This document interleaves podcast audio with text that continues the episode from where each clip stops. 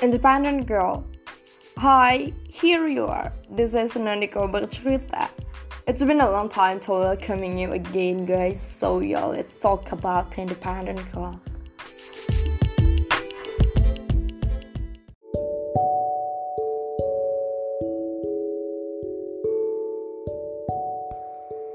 Menjadi anak perempuan sulung bukanlah hal yang mudah. Episode sebelumnya udah menggambarkan dengan jelas kalau jadi anak perempuan sulung itu sebenarnya nggak mudah. Dan kadang kala akan dihadapkan oleh berbagai pilihan. Konteks perempuan sulung di sini bukan hanya tertuju ke aku saja atau perempuan-perempuan sulung lainnya, tapi untuk semua perempuan yang mendengarkan podcast ini. From my point of view, semua perempuan yang bukan anak sulung pun sering menghadapi banyak pilihan dan bahkan lingkungan kadang menuntut kita untuk berjuang lebih keras. Being independent girl, yeah, I thought this statement is very debatable. Karena standar untuk menjadi seorang perempuan yang mandiri dibentuk oleh lingkungan kita juga. Lucu ya, lingkungan kita sepertinya sedang memainkan sebuah skenario. Lingkungan sosial kita memberikan standar pencapaian terhadap perempuan, dan lingkungan sosial juga lah yang membuat adanya istilah independent girl atau perempuan mandiri. Kalau kata Mbak Najwa Sihab, kodrat perempuan sering disematkan kepada hal berikut. Mens, hamil, menyusui. Tetapi yang lebih parahnya itu, memasak dan beres-beres rumah itu juga dimasukin. And I strongly agree with that like mens, hamil, dan menyusui itu benar.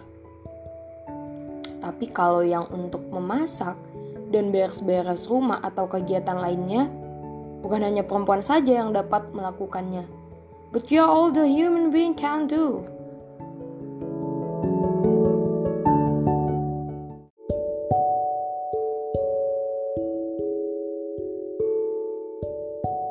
Aku mulai beli diriku sebagai perempuan yang mandiri karena ya lingkungan sosialku kerap menyebutkan diriku sebagai perempuan yang mandiri atau independent girl. Terlepas dari aku yang dianggap sebagai perempuan mandiri, aku juga adalah seorang perempuan yang sangat keras kepala. Hmm, ya menurutku, honestly, aku belum terlalu mandiri sih. Soalnya sekarang aja masih kuliah dan masih minta ke orang tua, tapi emang gak bisa dipungkiri kalau dalam hal mengurus diri dan mencoba untuk mengurus ya aktivitas bersama orang-orang, aku mungkin sudah dalam tahap menengah kali ya. Khususnya ke mengurus diri sendiri dan memikirkan orang-orang di sekitarku. It's ingat, mungkin versi setiap orang berbeda-beda ya. Jadi aku mau cerita dulu kenapa aku bisa menjadi seseorang yang dianggap mandiri atau independent girl. Yang pertama itu dalam hal mengurus diri sendiri. Ya ini seharusnya semua orang pada bisa ya menurutku karena kan kalau ngurus diri aja nggak bener gimana mau merantau gitu.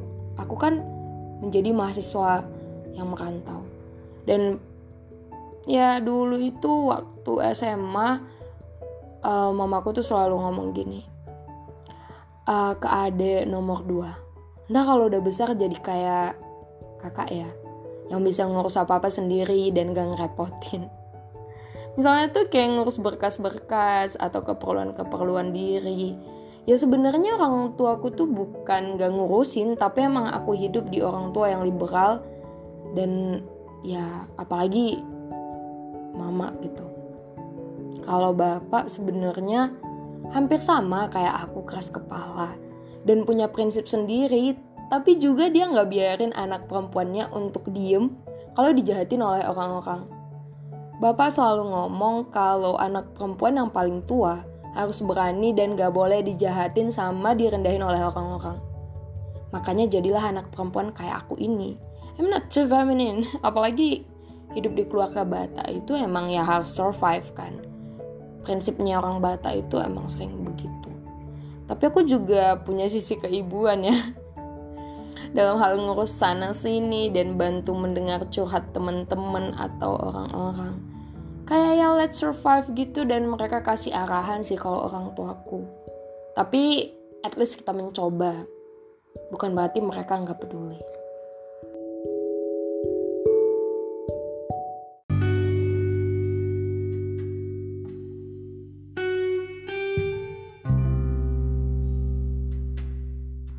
Aku sebenarnya malas aja gitu nyusahin orang. Dan menurutku aku masih bisa mengerjakannya dengan lebih cepat. Dan misal aku udah nggak kuat lagi untuk ngerjain satu hal, aku baru minta tolong gitu. Kayak sisanya, ya aku harus dibantu.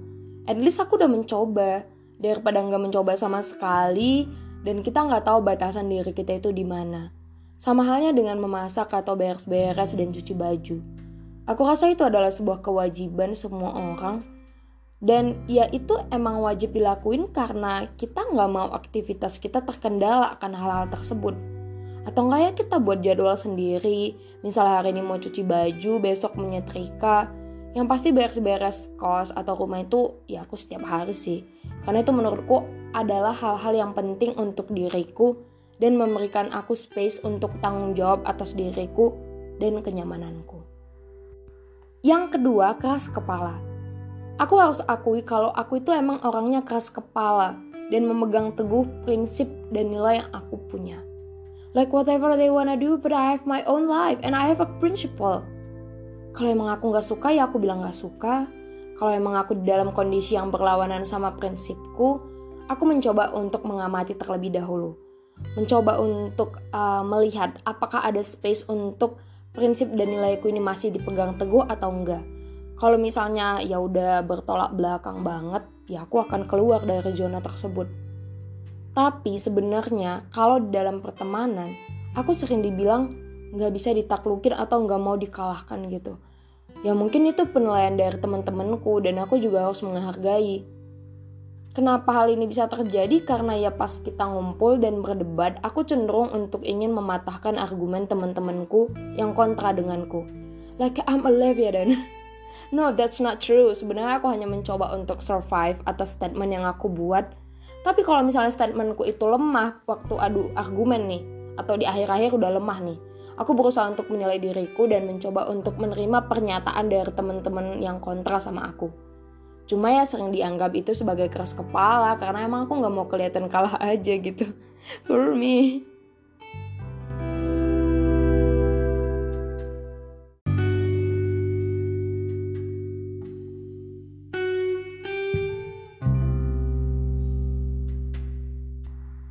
Yang ketiga, seakan-akan aku menjadi seorang leader.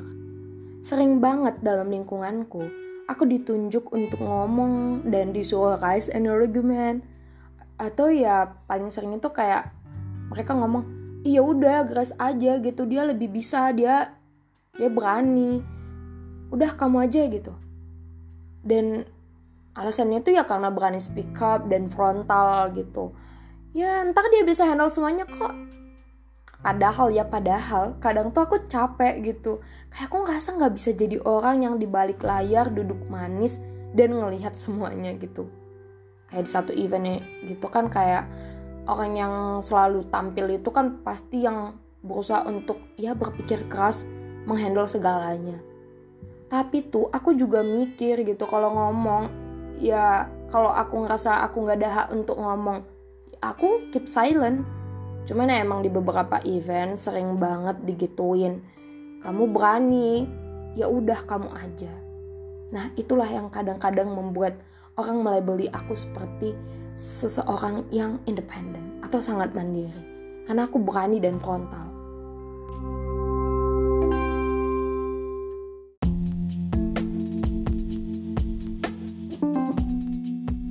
Yang keempat, gak mau menyusahkan orang. Aku selalu ngerasa kalau aku nggak harus bergantung sama orang-orang. Tapi aku juga nggak menafikan perlunya kerjasama dan kolaborasi. Menurutku kita harus punya satu hal dulu baru bisa berguna dan juga buat orang ya nyaman bersama kita gitu. Karena sebelum kita berusaha untuk bekerja sama dan kolaborasi, ada baiknya kayak kita punya satu nilai lah gitu, yang bisa membuat orang tersebut, oh dia bisa nih jadi temen ya rekan kerja atau bisa untuk diajak kerjasama atau kolaborasi ada hal yang bisa membuat kita tuh sefrekuensi gitu aja. Atau ya bisa dikatakan dengan istilah power kita punya satu power. Misalnya ya kayak kita mau berkegiatan kita pasti punya kelemahan dan kelebihan kan dalam mengelolanya. Automatically first people will see your power baru kelemahan. Nah, di kelemahan itulah kita harus bekerja sama dengan orang-orang dan kolaborasi diperlukan untuk membuat kita bisa lebih kuat ketika bersama-sama. Kita itu kuatnya bareng-bareng, bukan satu aja, karena kita udah menyamakan persepsi gitu. Kita udah saling tukar pikiran. Kita berperan untuk saling melengkapi, tetapi bukan sangat bergantung. Karena kalau kita sangat bergantung, berarti kita juga belum percaya diri, dan kita juga belum cukup percaya akan kemampuan kita. Serta, bisa aja kita nggak mau buka diri untuk orang-orang banyak kita kerjasama bukan ketergantungan. Dan itu adalah istilah yang sering aku pakai. I believe semua orang punya talent, tapi emang ada talent yang masih ketutup dan ada yang emang dia nggak mau nunjukin itu ke semua orang kan beberapa hal seperti insecure, overthinking. Aku nggak mau menyusahkan orang juga ya karena aku ngerasa mereka juga punya beban pribadi yang nggak ditunjukin ke semua orang. Dan semua kita sedang berusaha untuk menjadi normal maybe aku lebih memilih untuk menjadi seorang pendengar yang baik dan memberi solusi. Dan kita sama-sama sharing aja daripada menyusahkan orang. Atau ya bisa dikatakan mutual benefit. In my point of view, biarlah masalah pribadi dan hal-hal private tetap menjadi sebuah rahasia. Dan kalau misalnya kita mau cerita ya, kita bisa memilih siapa-siapa aja sih yang kita percayai.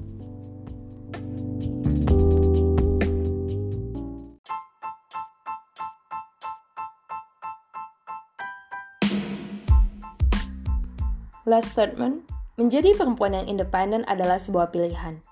Let your voice will be heard, and let your spirit become a good fight for your environment.